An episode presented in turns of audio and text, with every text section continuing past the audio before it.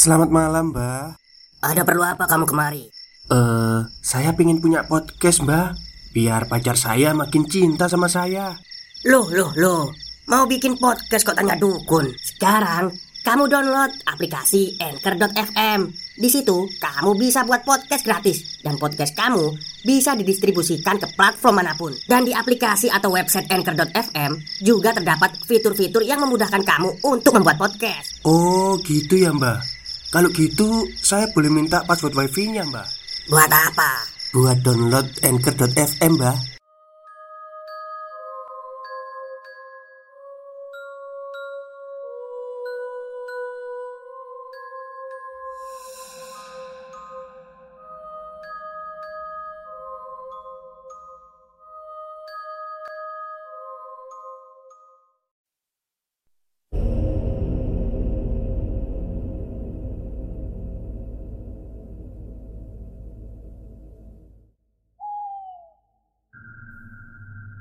Assalamualaikum warahmatullahi wabarakatuh. Halo semuanya, jumpa lagi dengan saya Chow Sing Sing Kurator dari podcast Horror Night Story.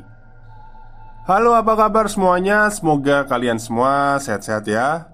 Dan seperti biasanya pada malam hari ini saya kembali Dan akan menghadirkan sebuah kisah mistis untuk kalian semua Kisah mistis kali ini saya datangkan dari tweet twitternya Mas Patrick.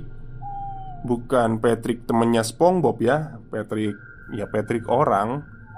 Dan di cerita ini beliau menceritakan seorang pemuda Yang pernah rumahnya diminta.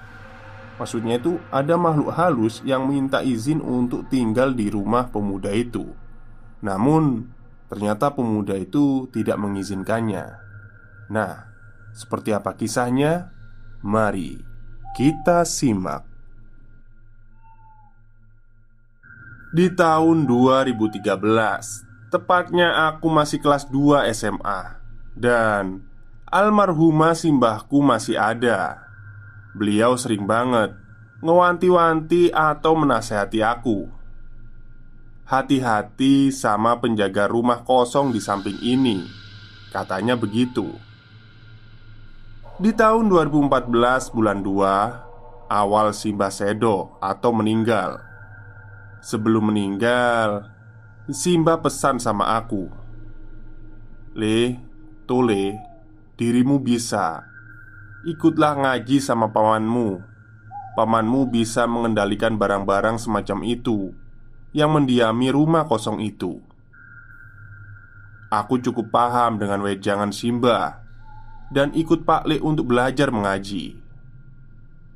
2014 Bulan 3 sampai 7 Aku belajar rutin ikut ngaji dengan pamanku. Setiap aku berangkat ke rumah pamanku Barang yang bertempat di rumah subung itu selalu ketakutan. Ini kata pamanku. Dua bulan awal, tepatnya bulan Maret sampai Mei masih biasa saja. Sama barang-barang liar yang macem-macem, pusaka yang belum ada pemiliknya. Masih timbul rasa takut dan semacamnya ketika aku lewat jalan yang gak ada penerangan sama sekali, gelap banget dan sendiri. Ketika aku menginjak bulan ketiga, Mei pertengahan, hatam ngaji di tempat pamanku. Tiap di jalan, di mana saja dan pas sendiri, kayak ada selalu orang yang mengawasi. Semenjak Mei pertengahan, saya sering sekali mencium aroma-aroma parfumnya orang meninggal. Khas banget. Mulai dari bau minyaknya, kapur barus, dan bunga-bungaan. Pernah sekali disuruh paman ngarit atau nyari rumput di sekitaran rumah Kebetulan di sini kalau ada kumpulan pohon-pohon bambu atau hutan bambu atau namanya kalau kita itu menyebut barongan, pasti terkenal mistis dan magic. Sampai sekarang masih ada juru kunci yang katanya dia memegang kendali atas kejadian-kejadian janggal di daerah rumahku. ketika aku ngarit venture atau bertualang mencari rumput, spontan aku mencium bau, aroma bunga dan parfum orang meninggal. Dan anehnya, aku mulai berani mencari sumber dari aroma tersebut. Dan ketika sampai di sumbernya, spontan aku bilang, "Kalau kamu mau jadi temanku, jadilah kayu atau batu. Aku tidak mungkin menyengsarakan kamu." Selesai cari rumput sampai rumah. Kebetulan pas pamanku ada di belakang rumah lagi kumpul sama tetangga lain. Rumah pamanku tepat di belakang rumahku, cuma berlawanan arah. Tiba-tiba pamanku memanggil, "Eh, ke sini dulu." "Oh iya, Pak Lek," kataku. Kemudian paman tertuju pada bagor atau karung rumput yang aku bawa. Paman merapalkan doa dan menjelaskan kenapa aku dipanggil oleh paman. Ternyata dari tadi aku ngerasa berat karena batu yang aku bawa dari barongan tak masukin ke dalam karung. Dan pas aku dipanggil paman, beliau bilang, "Kamu jangan lagi bicara ngawur di sekitar barongan itu." Aku pun mengangguk. Seketika batu itu diambil. Rumput sekarung tadi beratnya normal menjadi ringan. Dari sini aku mulai percaya bahwa kita benar-benar berdampingan dengan makhluk-makhluk yang tak kasat mata. Setiap aku melihat rumah kosong di samping rumahku, aku seperti merasakan hal yang aneh. Rumah itu sudah lama kosong dari tahun 2005 sampai 2013. Tapi di pertengahan tahun 2013 ada satu keluarga yang ngontrak di rumah itu dan setiap hari selalu ada kejadian. Hampir setiap hari, semua anggota keluarga selalu bergantian ketindian. Hari ini sang suami, besoknya anak bungsunya, dan besoknya anak sulungnya, serta besoknya lagi istrinya yang ketindian. Kejadian itu selalu bergantian setiap harinya. Rumah itu memang benar-benar berpenghuni atau penghuni lain maksudnya. Tidak lama, beberapa bulan kemudian, keluarga itu memilih keluar dari rumah itu dengan alasan tidak betah mau pindah. Padahal bapak pernah mendengar cerita dari salah satu anggota keluarga bahwa di dalam rumah itu ada penunggunya, yaitu nenek-nenek yang dulunya menghuni pohon randu. Setiap kali aku wudhu atau buang air kecil di kamar mandi yang terpisah dengan rumah Maklum, kamar mandiku di luar rumah Kadang, dia nampak ketawa cekikikan Seakan-akan menertawakanku. Spontan, ketika ada sumber atau bunyi orang tertawa Aku nengok ke arah sumber suara itu Dan terlihat hanya kumpulan pohon pisang yang berdiri. Berulang terus tapi tidak terlalu sering aku dengar suara itu. Tapi mau dikata apa?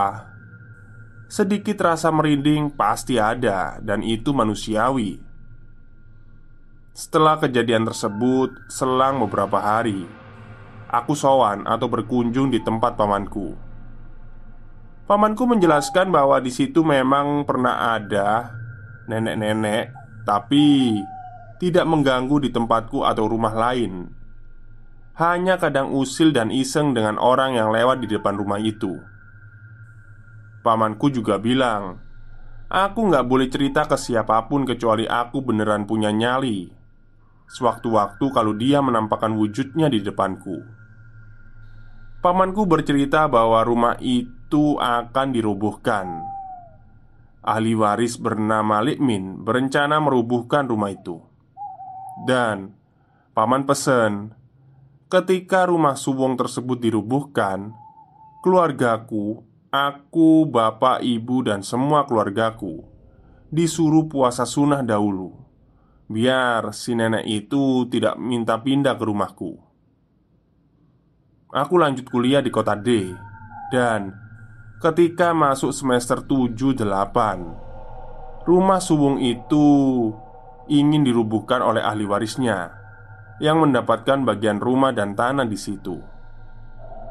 Untuk pertama kalinya aku melihat nenek itu duduk diam sebelum rumah itu dirubuhkan Aku mulai berani cerita ke bapak dan ibu menyuruh bapak dan ibu dan semua keluargaku yang tinggal di rumahku puasa sunnah yang disarankan oleh paman. Wajahnya kelihatan marah, tapi nenek itu nggak bergerak sama sekali. Dia seperti orang yang sedang merenung dan meratap, tapi mimik wajah judesnya campur marah. Aku peka dengan hal-hal seperti itu mungkin ketika semester 1-2 Tepatnya setelah hatam ngaji sama temanku Maksudnya pamanku. Ketika hari H dirubuhkan Jadwal berubah. Yang rencananya pagi hari jadi siang di mana nenek tersebut masih berbaring di suatu sepetak kamar. Pertama, membongkar genteng, dan rumah itu cukup tua, rumah joglo, rumah lama, rumah adat Jawa. Kemudian penurunan kayu satu persatu Semuanya lancar Ketika menuju sepeta yang terdapat nenek tersebut berbaring Seketika Kayu di samping terasa berat banget Di luar nalar Kenapa bisa sesusah itu? Karena rumahnya tergolong terbuat dari kayu dan anyaman bambu Akhirnya aku disuruh panggil pamanku Dan ketika kayu tersebut dipegang paman. Kayak ada suara jeritan keras dan sangat keras. Dan anehnya yang gak denger suara itu cuma Lekmin Lekmin tiba-tiba tumpang, ngomong ngelantur. Ketika diajak ngobrol, Lekmin mulai ngawur dan culametan. Jawab omongan dari lawan bicara pun gak ada sopan-sopannya Dan ternyata Lekmin kesurupan nenek tersebut. Dan ini kejadian aku alami baru dan diajari paman Dengan berinteraksi sama hal mistis. Paman pun menanyakan maksudnya apa dan maunya apa. Seketika Likmin ngomong Aku sisakno panggon neng kene Atau Aku sisakan tempat di sini Aku sudah enak di sini Ternyata usul punya usul. Kayu yang dipakai untuk atap rumah itu dulunya adalah kayu yang motong di area makam nenek itu. Dan ternyata nenek tersebut merupakan salah satu masyarakat desa yang dulunya merupakan dukun sakti. Kata Likmin begitu pas kesurupan. Untung saja cuma ngomong itu nggak ngomong yang lain dalam waktu 8 sampai 10 menit, Min pun sadar badannya lemes pucat. Kemudian dibawa dibaringkan di tempat tidur di rumahku. Min ngomong kalau nggak mau lanjutin pembongkaran siang hari Dilanjut bakda asyar aja Dalam hati aku bersyukur Karena jadi hari ini nggak sia-sia puasa Keanehan terjadi lagi ketika semua kayu-kayu di samping yang sekarang dinamakan tembok samping rumah dibersihin.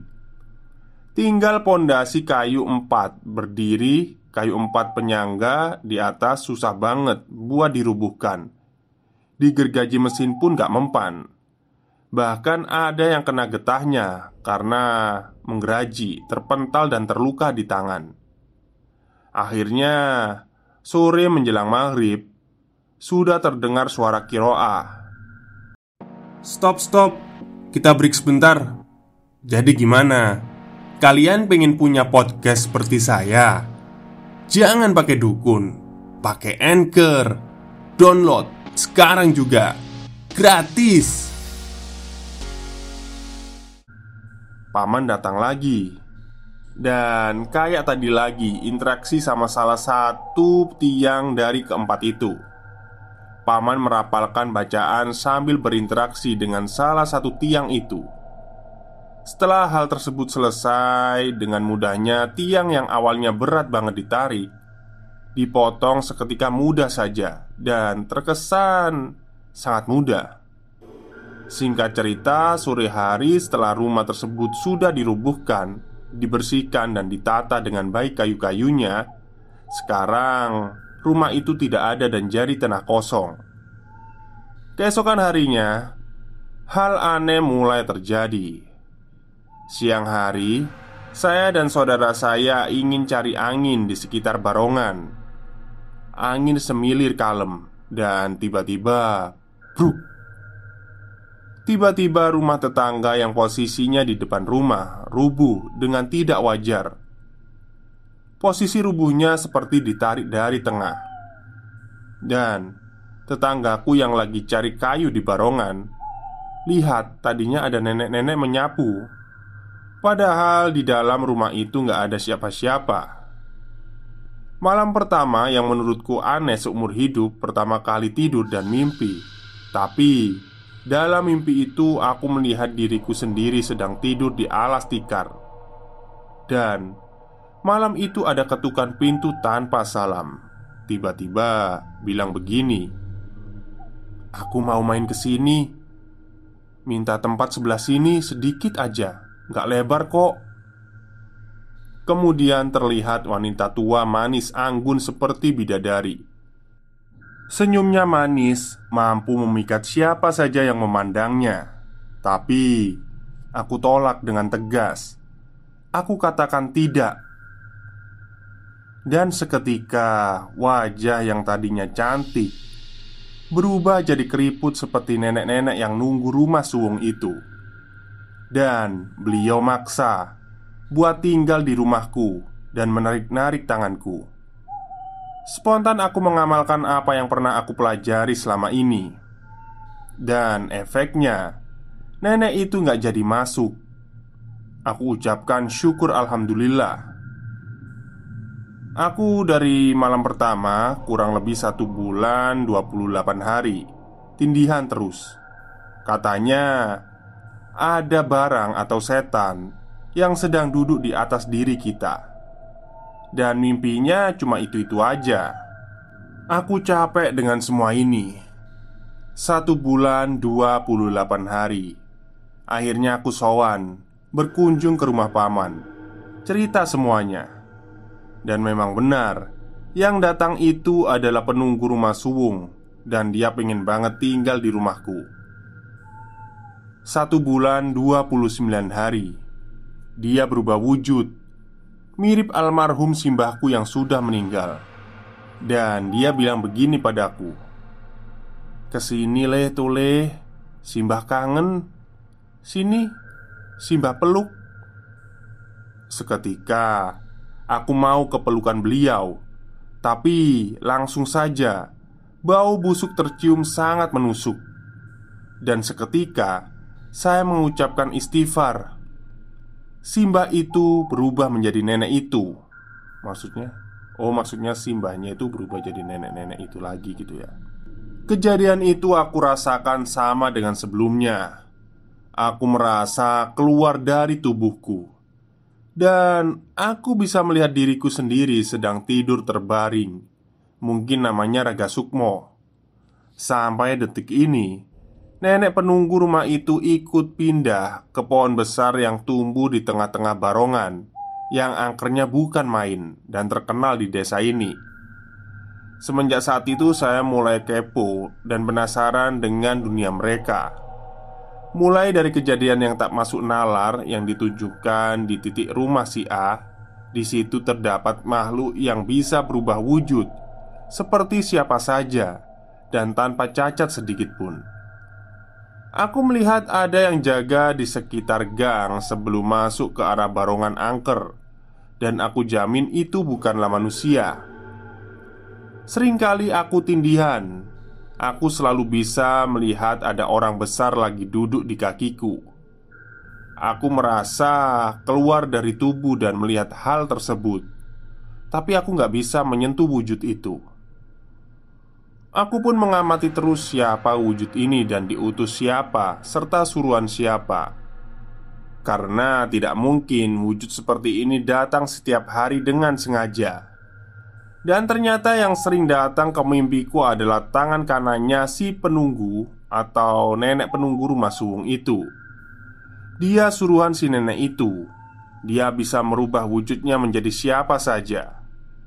Aku mulai waspada Membedakan manusia dengan wujud seperti itu tidaklah mudah bagiku Aku ingat betul wujud makhluk itu. Perawakannya besar, badannya agak lebar. Rambutnya acak-acakan dan gondrong. Dari rambut sampai kaki warnanya hitam. Kukunya panjang sekali, mirip gerandong. Dia disuruh nenek penunggu rumah suwung buat ganggu aku Supaya aku mau kasih izin ke nenek itu Agar dia bisa bertempat di rumahku. Di akhir tahun 2018 Aku baru diberitahu paman kalau selama ini Ada barang yang ngejaga diri saya. Dia ditugasi paman buat jaga rumahku ketika aku nggak di rumah. Barang tersebut selalu stay di pohon jambu samping rumahku. Kaget awalnya Kenapa kok sampai begitu? Makanya heran Kenapa beda dengan teman-teman sebaya Aku merupakan orang yang bisa dikatakan pemberani kalau lewat jalan atau wilayah yang terkenal angker atau mistis. Yang tinggal di pohon jambu itu sebut saja Mbah Buyut. Mbah Buyut cukup seneng ketika aku rajin ngelakuin hal baik Dan Mbah Buyut ini merupakan jin muslim Bulan 2 tepatnya menjelang aku bertambah usia Malam hari aku mendengar suara seperti orang lagi lari-lari pakai sepatu boot. Suaranya keras. Kemudian terdengar ramai ada suara pedang saling beradu. Seperti di film-film Angling Dharma adegan perang. Dan ada pula suara melengking membuat kuping terasa tak nyaman. Aduh, ada apa sih sebenarnya? Aku pun penasaran ingin melihatnya. Anehnya, pas aku intip dari lubang pintu, di luar ternyata nggak ada siapa-siapa. Karena aku capek ngantuk, akhirnya aku kembali ke kamar tidur. Dan suara itu kembali muncul. Sampai kurang lebih pukul 02 pagi aku mendengar suara itu. Aku pun memutuskan untuk berkunjung lagi ke rumah paman. Aku menceritakan semuanya yang aku alami Paman mengatakan ternyata Mbah Buyut sedang dikeroyok anggota nenek penunggu rumah suwung itu. Alhamdulillah aku bersyukur karena anak buah si nenek itu tidak sampai masuk ke rumahku. Keesokan harinya, paman pagi-pagi nyuruh aku ke rumahnya. Paman menyuruhku ke sana lewat via telepon. Paman mengatakan kalau aku harus puasa syukur karena sudah dibantu oleh Allah melalui perantara makhluknya Mbah Buyut buat ngejaga keluargaku. Esok harinya aku pun puasa syukur. Puasanya sama seperti puasa Ramadan. Bedanya dalam buka puasa dan sahur hanya berjarak antara adzan maghrib ke isya. Kayak kita dulu pernah sedekat maghrib ke isya, sekarang menjadi isya ke maghrib. Curhat dikit lah Di puasa syukur yang aku kerjakan Gak boleh makan asin-asinan Amis-amisan, pedas, ayam, ikan, ataupun sayur Hanya boleh makan nasi Tahu sama tempe Itu namanya puasa mote ya prosoku ya.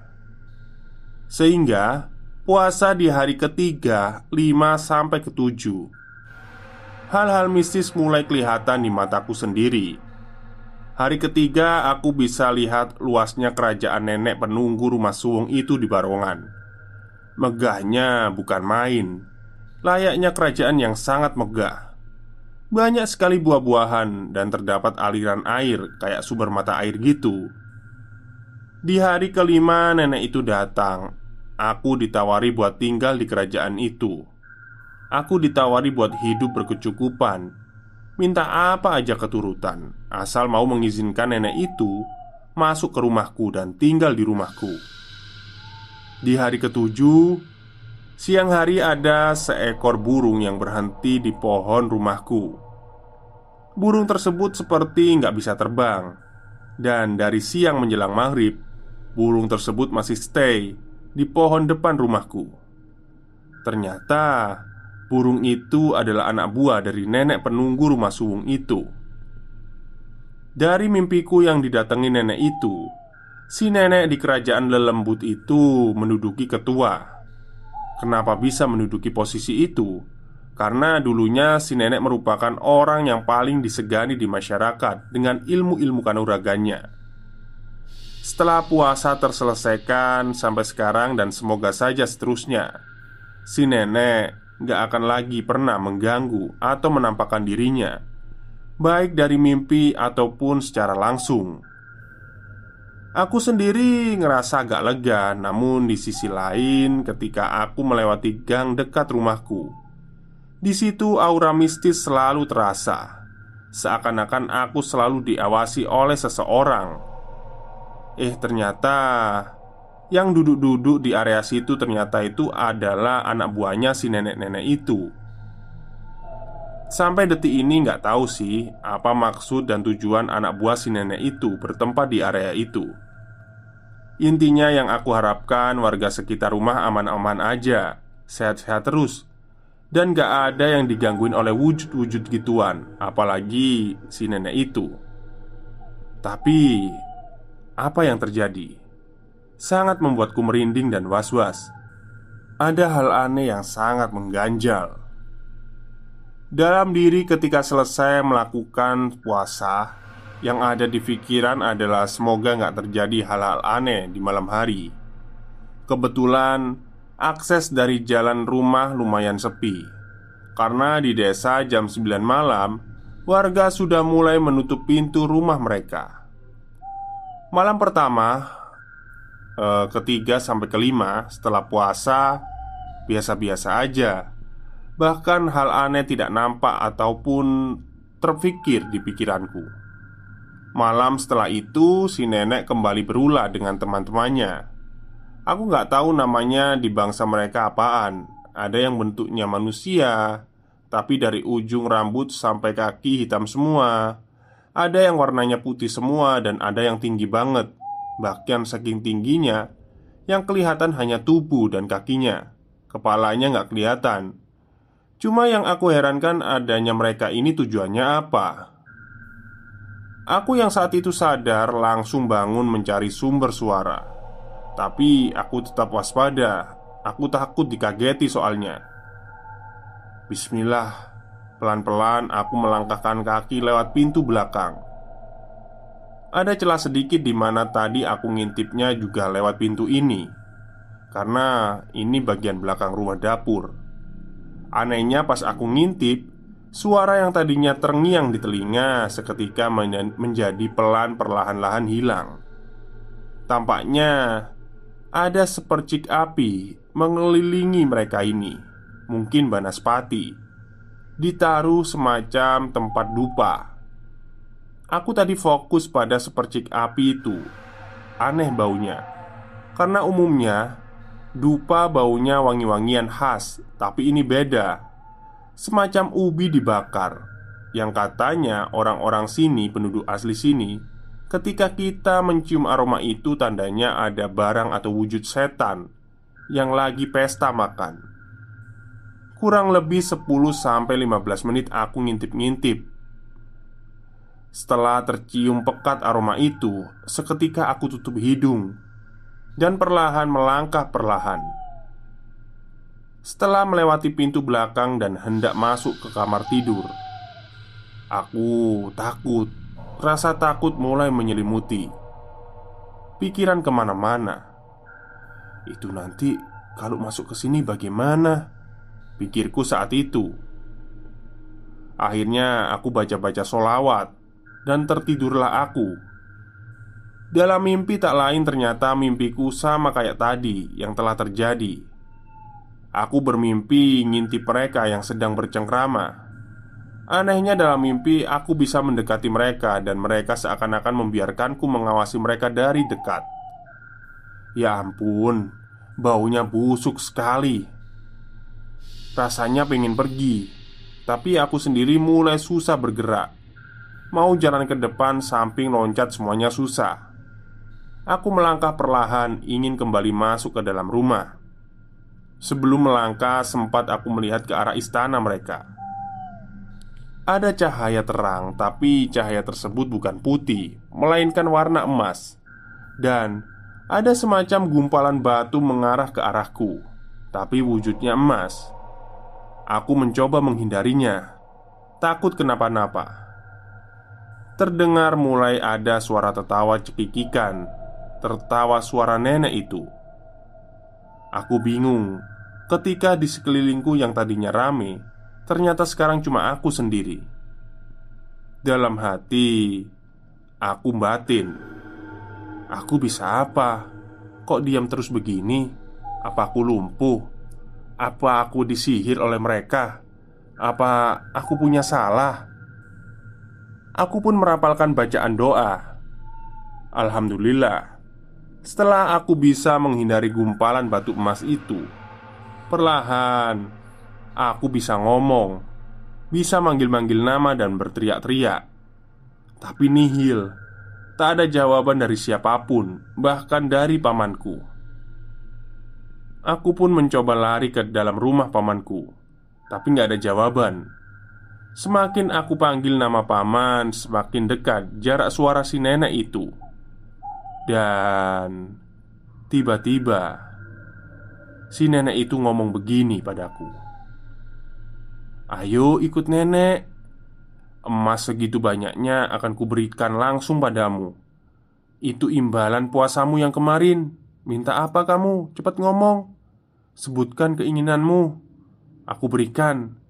Di tempatku pun ada banyak. Ngomong aja. Aku hanya mendengar suara itu Tanpa melihat wujud dari yang ngomong. Akhirnya aku perlahan berjalan ke arah emas tersebut. Di dekat emas itu aku batin. Kalau memang emas ini ditakdirkan oleh Tuhan buat aku Tolong nanti ketika bangun wujudkanlah. Jika emas ini hanya tipuan Maka bangunkan aku segera. Dan ternyata Semua itu hanyalah tipuan si nenek Sampai sekarang Si nenek penghuni rumah suwung itu masih ada dan datang untuk merayuku Serta meminta untuk tinggal di rumahku Tamat Baik, itulah cerita dari Mas Patrick ya. Agak agak ini ya eh, bahasa dari Mas Patrick ini agak membuat bingung ya. Tapi semoga para pendengar mengerti apa yang saya baca. Jadi intinya Nenek ini dulunya kan menghuni rumah kosong di sebelah rumah si pemuda ini.